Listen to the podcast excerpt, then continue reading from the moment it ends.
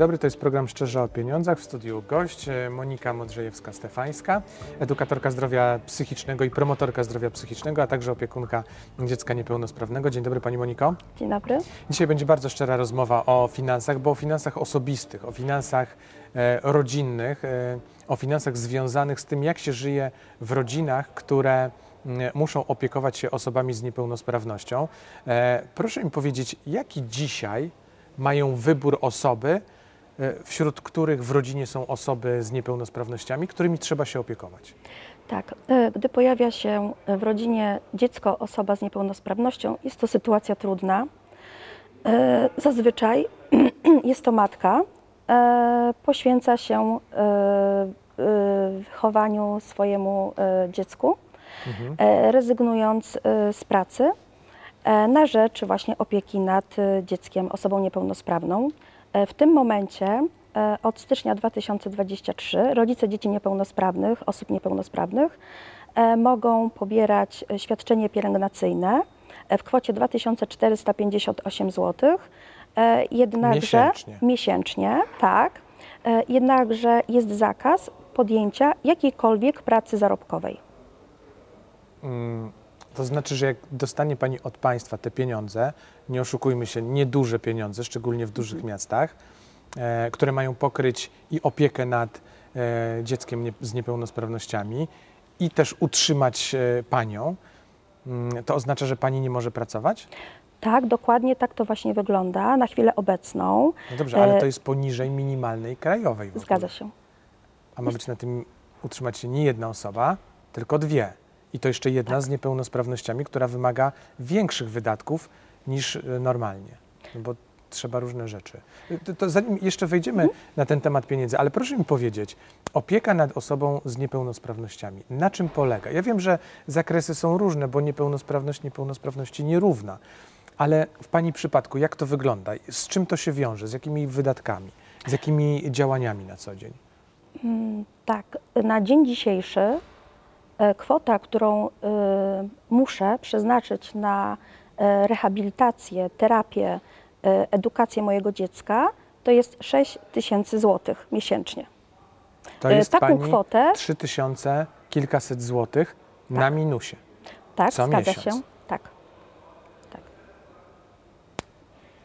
I w zasadzie tutaj moglibyśmy postawić kropkę, zakończyć nasz Mhm. program, ale mamy 30 minut e, na rozmowę, bo gdybyśmy e, w zasadzie postawili kropkę tutaj i resztę programu przemilczeli, to może by wreszcie dotarło do wyobraźni niektórych decydujących o tym, jak naprawdę wygląda sytuacja osób, gdzie e, są właśnie rodziny czy członkowie rodziny e, z niepełnosprawnościami. No, no i jak sobie radzić w takiej sytuacji? No, musimy sobie radzić. E, My niepełnosprawności naszych dzieci nie wybieraliśmy. Nasze dzieci mogą liczyć tylko na nas. E, I my musimy zrobić wszystko, żeby sprostać temu e, na co dzień, tej trudnej codzienności. Nasze dzieci zazwyczaj, bo tak jak pan redaktor wspomniał, e, niepełnosprawność niepełnosprawności jest nierówna i dzieci potrzebują różnego wsparcia. Moje dziecko potrzebuje wsparcia wielospecjalistycznego i stąd po prostu ta terapia musi być wielokierunkowa i potrzebuje kilku specjalistów, którzy będą mnie wspierać e, w tym procesie terapeutycznym mojego dziecka.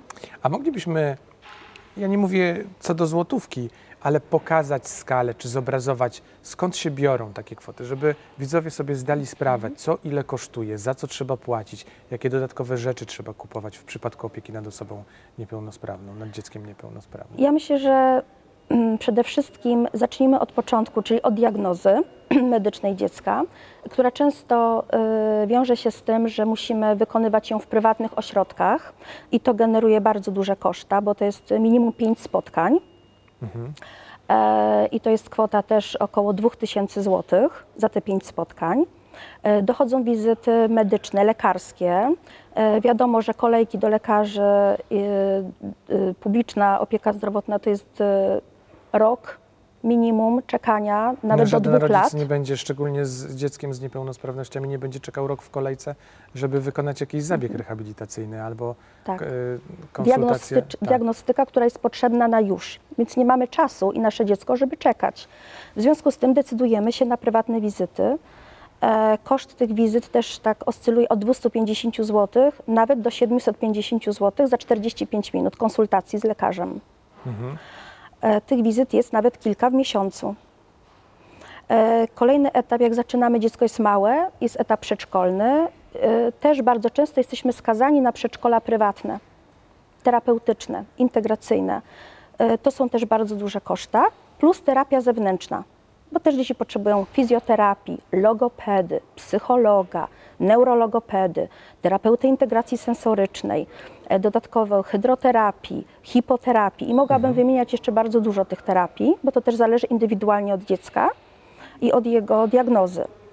E, I to też koszt takich e, godzinnej takiej terapii e, też to jest od 150 do 350 zł. Czyli takich kosztów na samą taką terapię w ciągu, no już w zasadzie możemy mówić o tygodniu, no bo w skali Tak. miesiąca to się nazbiera sporo, ale w, w skali tygodnia to jest kilkaset złotych przynajmniej albo i więcej, tak? Tak. A jak to pomnożymy przez cztery, to już idziemy w tysiące. Tak, i mówimy tutaj o takiej sytuacji, gdy w rodzinie jest tylko jedno dziecko z niepełnosprawnością bądź osoba, bo przecież jest wiele rodzin, e, gdzie jest dwoje dzieci e, z niepełnosprawnością i potrzebują wsparcia e, te dwie osoby. No dobrze. A to pani mówi o, o terapiach, o wizytach u lekarzy. A takie codzienne funkcjonowanie, bo ja nie wiem, ale domyślam się, że y, takie dzieci, czy, czy później osoby y, dorosłe, czy starsze, czy młodzież potrzebuje albo specjalistycznych ubrań, albo pieluch jakichś, albo innych kosmetyków, czy medykamentów, no to też chyba kosztuje, prawda? Tak, różnych sprzętów rehabilitacyjnych, y, które muszą te dzieci wykonywać wraz z rodzicami e, w domu. E, Niektóre dzieci, to też wszystko zależy od diagnozy, e, mają problemy e, z odżywianiem, e, tak zwana wybiórczość pokarmowa. Wówczas też rodzice ponoszą dodatkowe koszta, bo tu chodzi już też o suplementy, o jedzenie i tak dalej, więc to też jest bardzo obciążające rodzinę finansowo. Czyli mówiąc wprost, taki zasiłek od państwa, taka pomoc od państwa, jeżeli chcieć by zapłacić za wszystko, co jest potrzebne, niezbędne, tak żeby to dziecko było zaopiekowane w 100%, to nawet na połowę tych wydatków nie starcza, tak? Nie starcza. No a do tego jeszcze dochodzi normalne, codzienne funkcjonowanie, prawda? Y, tak, ale już o tym nie myślimy. Nie, ale, ale ja pomyślę, bo zastanawiam się, dostaje Pani, załóżmy, no, e, rozmawialiśmy przed programem, więc Pani powiedziała, że dzięki temu, że mąż pracuje, radzicie sobie, ale załóżmy sobie taką sytuację, że jest samotna matka lub no w ogóle samotny rodzic, bo różne są przypadki, z, z dzieckiem z niepełnosprawnością, dostaje te 2400, no i co dalej? No bo z punktu widzenia człowieka, który funkcjonuje w takim świecie poukładanym, normalnym i nie zna tych wyzwań, które spotykają osoby z niepełnosprawnościami, to on sobie nie wyobraża, jakie tam są dodatkowe rzeczy. Po prostu pokrywa bieżące koszty, czasami też mu jest ciężko, ale jakoś daje radę. No więc jakby wyglądało życie, czy jak wygląda życie osób, które są samotne, a mają do mm, zadania opiekowania się dzieckiem na przykład? No to jest bardzo ciężkie życie, jak się domyślamy, takiej mamy, y, zwłaszcza samotnej mamy. Ta mama może liczyć tylko na te na zasiłki, e, czyli teraz 500 plus, plus te świadczenie pielęgnacyjne 2400 No dobrze, no to mamy y, złotych. 2900. Tak. E, E, Może się 2900, posiłkować tak. jeszcze pomocą z różnych fundacji. E, Mhm. Pomoc charytatywna. Znam mamy, które korzystają też z pomocy różnych e, fundacji też kościelnych e, i pomocy w najbliższej rodziny. no dobrze, ale e, tak sobie myślę, okej, można korzystać z tej pomocy, Mhm. tylko wie pani, ta, ja tak sobie wyobrażam, ta pomoc sama z siebie nie przychodzi. Żeby dostać tę pomoc, to trzeba wypracować sobie kontakty, relacje, zabiegać o tę pomoc, pójść gdzieś, e, poprosić, napisać wniosek, wyszukać. To jest czas, to jest realna praca. A skoro mamy się opiekować dzieckiem, no to kiedy to zrobić? No to dobrze by było zatrudnić do dziecka pomoc jakąś, opiekę, żeby móc szukać kolejnych pieniędzy. No ale ta pomoc generuje kolejne koszta. Więc jak w tym wszystkim się odnaleźć? E, Są też programy, które oferuje, oferują też e, miejskie ośrodki pomocy społecznej, e, tak zwane asystenckie, więc można też się starać o takiego asystenta osoby niepełnosprawnej. E, Różne fundacje też oferują pomoc, takie projekty właśnie asystent, razem z asystentem sięgam po niezależność, na przykład też jest taki projekt i rodzice też z tego korzystają. Jeżeli mają w rodzinie kogoś, kto mógłby przejąć tą opiekę, no to wtedy nad tym dzieckiem, bądź dziecko wtedy jest w systemie, czyli mam tutaj e, na myśli w placówce przedszkolnej lub szkolnej, no to wtedy mamy e, robią wszystko, e, żeby jakoś sobie z tym poradzić, żeby to udźwignąć. Mm. No jest to bardzo ciężka, ciężka praca. Nie każdy rodzic ma też w sobie tyle siły i tyle zasobów, żeby zmierzyć się z tymi problemami. Pani Monika, a może mi Pani powiedzieć wprost, odpowiedzieć na, na takie pytanie? E, no, myślę, że to będzie trochę prowokacyjne pytanie, ale dostaje Pani te pieniądze, 2400 kilkadziesiąt złotych i ma Pani absolutny zakaz pracy. Nie czuje się Pani wykluczona? Czuję się wykluczona, pominięta, nie czuję się pełnoprawnym członkiem e, społeczeństwa. A jak ktoś Panią by złapał na tym, że Pani pracuje, to co wtedy? Traci Pani ten zasiłek, tak? E, tracę zasiłek, e, tak, e, i prawdopodobnie będę wezwana do zwrotu tego zasiłku. To jak sobie Tego radzić w takiej sytuacji? Bo mogę się założyć, że zdarzają się takie przypadki, że no, kobiety, mężczyźni muszą sobie jakoś radzić w tej sytuacji. No bo jeżeli on ma, czy ona ma, mają zadanie opieki nad dzieckiem, ale zasiłek jest wielokrotnie niższy niż koszty codziennego funkcjonowania. Nie, nie mówię tylko o opiece, ale czynsz za mieszkanie to jest przynajmniej kilkaset złotych miesięcznie. Jeżeli dochodzi do tego kredyt na mieszkanie, no to już liczymy w tysiącach. Jedzenie, ubrania. No nie da się przeżyć za 2400 złotych. I co zrobić? E, Ja mogę mówić, jak jest w mojej sytuacji. Ja mam to szczęście, że nie jestem samotną, samodzielną mamą. E, Mam wsparcie męża, mam wsparcie też rodziny. E, Na tyle, ile mogą, oni nas wspierają i my po prostu jakoś możemy funkcjonować w tej ciężkiej dla nas codzienności. A proszę mi powiedzieć, gdyby Pani miała taką możliwość zmienić przepisy, to jak one powinny się zmienić? Jak to powinno wyglądać? Mhm. Żeby, bo wie Pani, no, nikt, na, nikt e, z osób obcych, czy nawet niektórych bliskich nie wie na przykład, czy w jakiejś rodzinie, która funkcjonuje między, w społeczeństwie, jest ktoś z niepełnosprawnością, czy się trzeba e, tą osobą opiekować. Patrzy się na te rodziny w sposób jak najbardziej normalny, nie wiedząc, jakie są w środku wyzwania. E, więc co zrobić, żeby te rodziny, mimo że trudniej im się funkcjonuje, jednak funkcjonowały w tym społeczeństwie w miarę normalnie na tyle, na ile się da? Co powinno się w przepisach zmienić? No ja mogę powiedzieć za siebie, e, bardzo bym chciała mieć wybór przede wszystkim, e, czy po prostu, e, przede wszystkim, czy mogę podjąć tą pracę zarobkową. To przede wszystkim dla mnie to byłoby bardzo ważne, ale też takie rozwiązania systemowe, bo, które by ułatwiły tutaj dostępność właśnie do opieki medycznej, e, szkolnictwo. To jest bardzo złożony temat e, i mm, też wydaje mi się, że jest zależne od życia e, rodziny e, i z tym, czym się mierzy na co dzień. A e, gdyby można było tak po kolei prześledzić to, czy wybrać punkty, od których zacząć, to co powinno pójść na pierwszy ogień, że tak powiem? Czy na przykład, gdyby taki zasiłek został zwiększony, dajmy na to dwukrotnie, to wtedy to by była kwota, która w jakiś sposób już pozwalałaby nie pracować. I, no ja wiem, że w Pani przypadku jeszcze by nie pokryła wszystkiego, ale patrząc ogólnie, czy to, wtedy ta kwota pozwalałaby w miarę jakoś funkcjonować e, takim rodzinom, czy może lepiej iść w takim kierunku, nie wiem, zrefundować e, koszty opieki przedszkolnej, opieki szkolnej albo koszty dodatkowej opieki jakiegoś opiekuna, e, który przychodzi z zewnątrz, albo koszty rehabilitacji. Jak Pani na to patrzy? Ja myślę, że wszystko to, co Pan wymienił, jakby złożyć po prostu do, w jedną całość, to bardzo to by po prostu ułatwiło życie e, rodzinom e, dzieci z niepełnosprawnością, czyli właśnie zrefundowanie tego systemu przedszkolnego, e, szkolnego, e, opieki medycznej, większa dostępność, e, zwiększenie też tego świadczenia oraz danie rodzicom możliwości e, dorobienia też do tego świadczenia, myślę, że to znacznie e, e, po prostu polepszyłoby naszą sytuację. E, Sytuację e, rodzin, e, e, głównie matek, tak? bo, to, bo to głównie matki decydują się na to, że zostają z tymi dziećmi i to jakby e, one ponoszą e, ten, e, jakby z- zawiadują całą tą, Mhm. e, całą tą rzeczywistością dziecka, tą codziennością.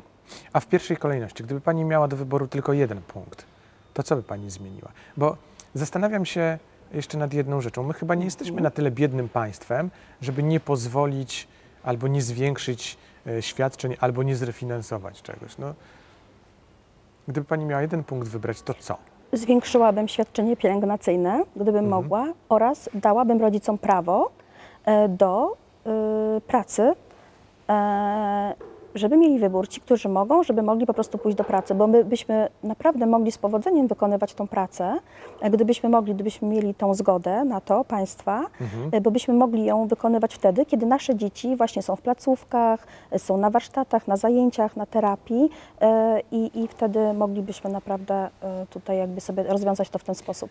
No, tak sobie myślę też w dzisiejszych czasach, szczególnie po pandemii, odkryliśmy nowe możliwości Mhm. pracy e, zdalnej chociażby i nie zawsze trzeba wychodzić z domu i zostawiać to dziecko e, i można pracować zdalnie, prawda? Tak, wydaje mi się, że jakakolwiek forma, która byłaby dozwolona, to w jakiś sposób po prostu byłaby już e, jakąś opcją dla rodziców. A e, ma Pani takie informacje, może gdzieś albo Wy jako rodzice e, staracie się rozmawiać z kimś, żeby wprowadzić takie zmiany? Może coś się zmieni w najbliższym czasie? Coś, jakieś informacje do Pani docierają, czy Są, niekoniecznie? sto, są stowarzyszenia, są fundacje, które działają, jakby są głosem rodziców dzieci z niepełnosprawnością i wiem, że zmiany mają nadejść z dniem 1 stycznia 2024, że rodzice będą mieli wybór, Mhm. E, Albo pierwszy wariant, albo pozostać na starych e, zasadach, na prawach nabytych, czyli pobierając nadal świadczenie pielęgnacyjne e, i zakaz pracy, e, bądź przejdą na tak zwane świadczenie wspierające i wówczas będzie można e, jakby podjąć e, pracę. E, Nie znam większych szczegółów, bo też w zasadzie ciężko mi e, jakby mm, myśleć, co będzie e, od stycznia, natomiast e, no, praktyka pokaże, tak? Czyli na razie nie wiadomo, jakie to świadczenie wspierające, na, dokładnie na jakich zasadach będzie jak, jaką ono będzie miało wysokość? E, Nie, na, na dzień dzisiejszy e, nie wiem tego. A jeszcze, a takie problemy na co dzień, gdybyśmy mogli bardziej, no to już wiem, że wchodzimy w taką strefę Mhm. bardziej prywatną, ale żeby uświadomić naszym widzom, jak to wygląda na co dzień, to jakie są takie największe kłopoty czy największe wyzwania, z którymi Pani się boryka na co dzień? No chociażby, ja sobie y, zastanawiam się i tak sobie myślę, no chociażby to, że my się tutaj spotykamy i rozmawiamy, no to jednak musiała Pani to jakoś zorganizować, żeby do mnie przyjechać. No bo to nie jest takie, Tak. jest Pani sama dzisiaj tutaj, a nie E, A nie z, dzieckiem. dzieckiem. tak. Tak. e, Dzisiaj e, moje dziecko zostało z babcią, Mhm. więc tutaj zawsze mogę liczyć na babcie, które przyjadą i się chętnie zajmą dzieckiem i wtedy ja mogę wyjść z domu i jakieś swoje aktywności tutaj spełnić. No, czyli dobrze jest, gdy mm, mm, rodzice mają wsparcie swoich rodziców, jeżeli jest taka realna możliwość. No ale nie oszukujmy się też. E, dzisiaj e, Polacy rodzą dzieci coraz później, więc też ci nasi rodzice, oni już są w takim wieku, że niekoniecznie mają siłę e, na to, żeby się małymi dziećmi opiekować, czy nawet trochę starszymi, bo to już w drugą stronę zaczyna się odwracać, że nimi za chwilę trzeba będzie zacząć się rozmawiać, więc nawet ta pomoc naszych rodziców jest, no, nie będzie długo trwała, tak to określę. Tak, i to też jest zależne od funkcjonowania dziecka, no bo po prostu nie każde dziecko możemy zostawić z babcią, bo to też właśnie zależy od jego zachowań, tak? Mhm. No ja mam akurat to szczęście, że moje dziecko może zostać, chętnie zostaje y, z babciami, a babcie po prostu chętnie przejmują tą opiekę y, nad nim i ja wtedy mogę się sobą zaopiekować. Em, To wracając do tych największych wyzwań, mhm. gdyby Pani tak. mogła o nich opowiedzieć, to jakie są na co dzień? y, myślę, że też w ogóle wybór szkoły.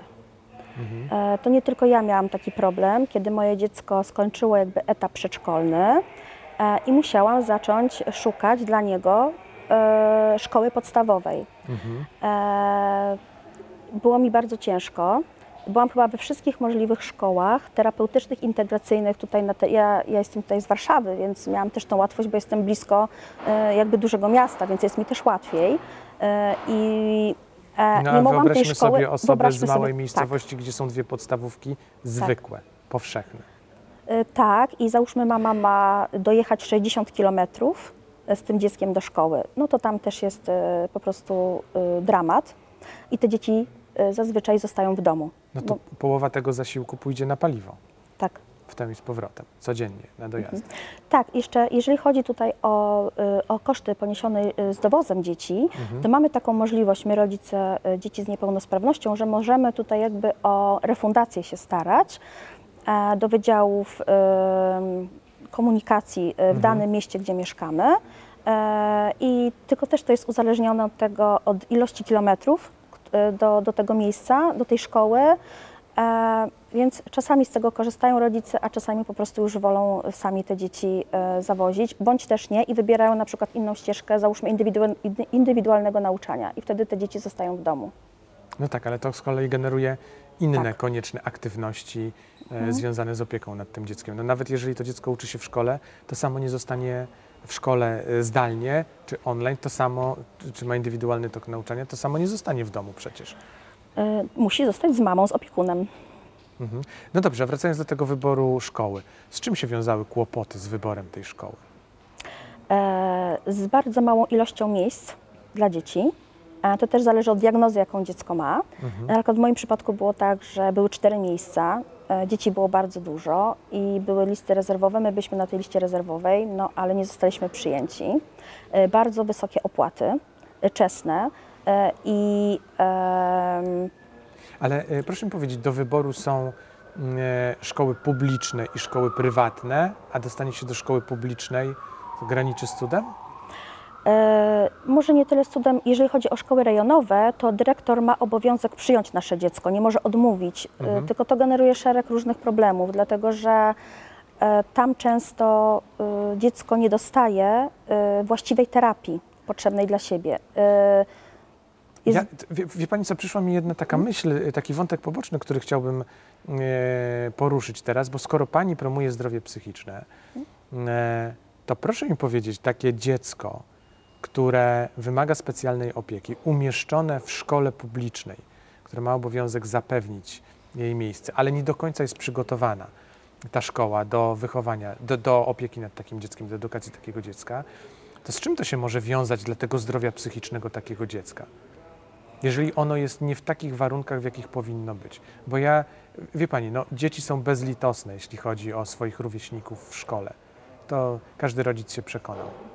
Z, moje, e, z mojego doświadczenia wynika, że stan tych dzieci na ogół się pogarsza, e, występuje regres. E, Zazwyczaj kończy się to jakby e, szukaniem kolejnej placówki dla dziecka. E, Dziecko, dziecku jest bardzo ciężko się odnaleźć, zwłaszcza kiedy jest, kiedy ma liczne trudności e, i nie ma tych dostosowań pod dziecko, których potrzebuje, no bo te dzieci, umówmy się, ale mają po prostu no, specjalne wymagania, które nie są spełniane i e, nasilają się te zachowania trudne, takie te nieakceptowalne społecznie. Czyli wybór szkoły Mhm. musi być bardzo przemyślany i ta szkoła musi być naprawdę dobrze wybrana, aby to dziecko nie tylko mogło się rozwijać i było dobrze zaopiekowane, no ale też mogło iść do przodu, prawda? Y, Tak, tak. I myślę, że zapewnienie, e, no, przede wszystkim współpraca z rodzicem tak, tej szkoły, na linii rodzic i, i szkoła, ale też zapewnienie właśnie dziecku odpowiednich warunków, no i przede wszystkim też, no bo szkoła to nie tylko edukacja, ale też terapia. E, I, I dziecko, y, które ma y, te specjalne wymagania, no musi mieć też jakby równolegle y, to spełnione. A często właśnie szkoła jakby tego nie jest w stanie zrealizować, bo nie jest w stanie zatrudnić wszystkich specjalistów, które potrzebuje dziecko. Więc rodzic w tym momencie musi szukać tej terapii na zewnątrz. E, No i tutaj jest też sytuacja problematyczna, ponieważ musi za tę terapię zapłacić z własnej kieszeni. No dobrze, a wracając jeszcze do momentu wyboru szkoły, ile zajęło Pani znalezienie właściwej szkoły? Albo nie tyle znalezienie właściwej, co y, dostanie się do tej szkoły, zagwarantowanie miejsca dla dziecka. Em, Jaki to, jak długi to był proces? E, Ile Ja szukałam e, prawie od roku. Rok Mhm. czasu szukałam szkoły dla mojego dziecka. E, I to były też rozmowy właśnie z terapeutami, które moje dziecko prowadziły, która szkoła byłaby dla niego najodpowiedniejsza, z rodzicami, tak zwaną pocztą pantoflową, e, która szkoła była po prostu odpowiednia. No niestety nie udało się znaleźć takiej szkoły. E, I w związku z tym zdecydowałam się na nauczanie domowe, więc moje dziecko jest jakby poza systemem, bo jest w tak zwanym e, nauczaniu domowym, w edukacji domowej. Mamy zaprzyjaźnioną szkołę. E, mamy też taką możliwość, że moje dziecko może tam chodzić też stacjonarnie i uczestniczyć w warsztatach, ale to wszystko jest też dobra wola dyrekcji, e, którzy bardzo ściśle ze mną współpracują. Jestem jakby włączona w cały ten proces edukacyjno-terapeutyczny i mam jakby wpływ realnie na to, czego uczy się moje dziecko i też e, jak wyglądają te zajęcia terapeutyczne. Czyli po drugiej stronie też no, trzeba mieć szczęście, żeby trafić Tak. na takich ludzi dobrej woli, którzy po pierwsze wiedzą, po drugie chcą zaopiekować czy współpracować e, tak na poważnie, na serio z takimi rodzinami. y, którzy są otwarci, którzy potrafią też, mają w sobie tą akceptację, tak, Mhm. na tą neuroróżnorodność, no i też jakby ta współpraca właśnie z rodzicem, ta otwartość na rodzica jest bardzo tutaj ważna. Ja miałam akurat takie szczęście, że jesteśmy w odpowiednim e, miejscu. Pani Moniko, a ile kosztuje taka szkoła? Jakby chcieć, bo pewnie e, w, te, w Pani przypadku koszty wyglądają inaczej, ale zapewne ma Pani rozeznanie. Jeżeli e, mamy możliwość zapisania dziecka do szkoły, która spełniałaby te wymagania, to jaki to jest koszt? E, Koszt mniej więcej od 1500 zł, nawet e, dowiedziałam się dwa dni temu, że do 4500 tysiąca złotych e, czesne. Miesięcznie. Miesięcznie. mówimy. Miesięcznie. No to w pierwszym przypadku zostanie nam troszkę pieniędzy, z drugi- naciskiem na troszkę, a w drugim trzeba, no właśnie, co trzeba? Skąd te pieniądze jeszcze pozyskiwać? Bo pani powiedziała, że można się starać o dodatkowe pieniądze. Mm, Gdzie? No wiem, że rodzice jeszcze też e, po prostu korzystają z Fundacji TVN, z Fundacji Polsat, z Fundacji Jurka Owsiaka e, i tam po prostu pozyskują te środki. Płacą też, e, z, zbierają sami też oczywiście e, 1,5% na swoje dziecko. W związku też jak coś tam im się uda zebrać, no to wtedy opłacają tą edukację i terapię właśnie z tych środków. No dobrze, a jak się zbiera te pieniądze z fundacji? Jaki to jest proces? Ja- nie mówię o tych dużych fundacjach, y, które Pani wymieniła, które, do których droga jest y, jakby jasna. Trzeba zgłosić się, opisać swój przypadek i, i spróbować współpracować z fundacją, ale jeśli sami zbieramy, na przykład chodzi o te 1,5%, to jak to wygląda? Czy musimy sobie wybrać fundację, która z nami będzie pracowała nad tym? Czy my sami jakoś to y, robimy? Jak to wygląda? My wybieramy fundację, y, która jest jakby sprofilowana pod diagnozę naszego dziecka. Zgłaszamy tam nasze dziecko, jesteśmy przyjęci do tej fundacji i potem już sami odpowiadamy jakby za cały proces zbierania tego 1,5%. Zazwyczaj to wygląda tak, że drukujemy ulotki, plakaty, e, zgłaszamy się do znajomych, do ich znajomych, e, pozyskujemy też te środki w dużych firmach, e, czyli rozmawiamy z księgowymi, z właścicielami, czy mogliby po prostu jakby te swoje środki przeznaczyć na terapię i leczenie naszego dziecka. Ten podatek, który i Ten tak, podatek, tak. tak, I warto zaznaczyć, że to już jest nie 1%, tylko, tylko 1,5%, tak. dokładnie. No dobrze, ale to jest tak, że przypuśćmy, zrobiła Pani szeroko zakrojoną akcję, trochę osób się e, zdecydowało, przekazało te pieniądze, to co dalej się dzieje z tymi pieniędzmi? One trafiają w całości na pani, kon, na pani konto i Pani po prostu idzie do sklepu, tu kupuje to, tutaj płaci za rehabilitację, tu opłaca wizytę u lekarza, tutaj edukację, czy nie? Czy to wygląda inaczej? Bardzo bym chciała, żeby tak to wyglądało. E, Niestety wygląda to w ten sposób, że te środki e, są przekazane e, przez fundację na konto mojego dziecka, na subkonto. E, i Ja, chcąc z nich skorzystać, muszę przedłożyć fundacji, e, załóżmy, chcę opłacić tymi środkami wizytę lekarską. To muszę mieć zaświadczenie od lekarza, dlaczego moje dziecko potrzebuje tej wizyty, dlaczego ja się z dzieckiem zgłosiłam akurat do tego specjalisty, plus jeszcze fakturę e, w danym miejscu, gdzie odbyła się ta wizyta. Ja to wszystko y, przesyłam do fundacji. Wówczas fundacja ma około tygodnia bądź dwóch, na to, żeby zrefundować mi te środki. No dobrze, a jeżeli pani nie ma na koncie właśnie pieniędzy, żeby zapłacić za wizytę u lekarza, która jest natychmiast potrzebna, a te pieniądze leżą w fundacji, to co? To nie pójdzie pani do lekarza. No tak. To nie stoi trochę na głowie? No myślę, że to tak, pani reakcja jest e, jakby Jednoznaczne. jednoznaczna. Tak. Gdyby pani popatrzyła, tak puentując już naszą e, rozmowę, na całość tego systemu, to on jest do naprawy, totalnie do naprawy? Czy widzi pani jakieś w nim przebłyski czegoś dobrego, czegoś, co powinno funkcjonować tak, jak funkcjonuje? Czy jednak zmieniamy mocno to? No bo i pieniądze nieduże, i procedury, i papierologia, i tak dalej, i tak dalej.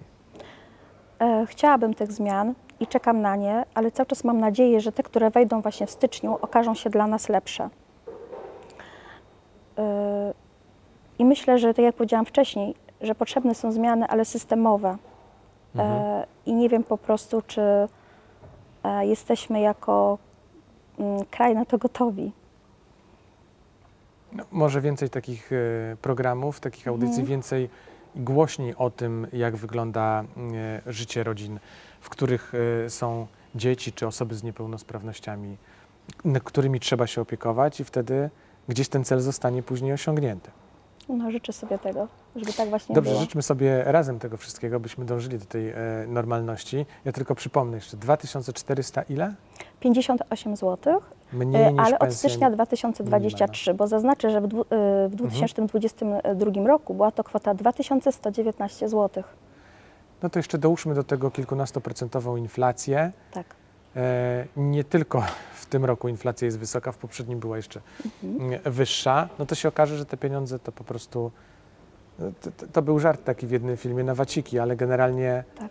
chyba to dobrze określa to, na co można I, wydać. I jeszcze może tak zaznaczę, dopowiem, że to świadczenie pielęgnacyjne, które rodzice e, dzieci z niepełnosprawnością pobierają, to ma być taka rekompensata za to, że oni zrezygnowali z pracy zawodowej. Natomiast te środki w głównej mierze przeznaczamy na leczenie, rehabilitację, terapię naszych dzieci, a już całkowicie pomijamy nasze potrzeby.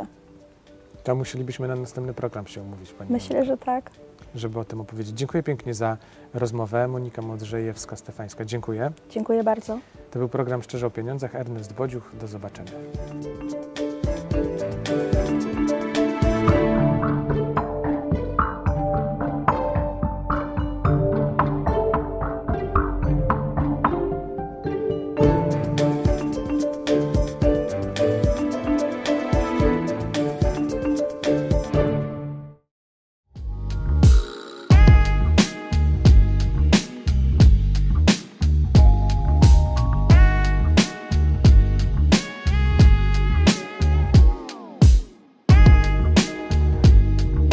Projekt dofinansowany w konkursie ministra rodziny i polityki społecznej oraz pełnomocnika rządu do spraw polityki demograficznej.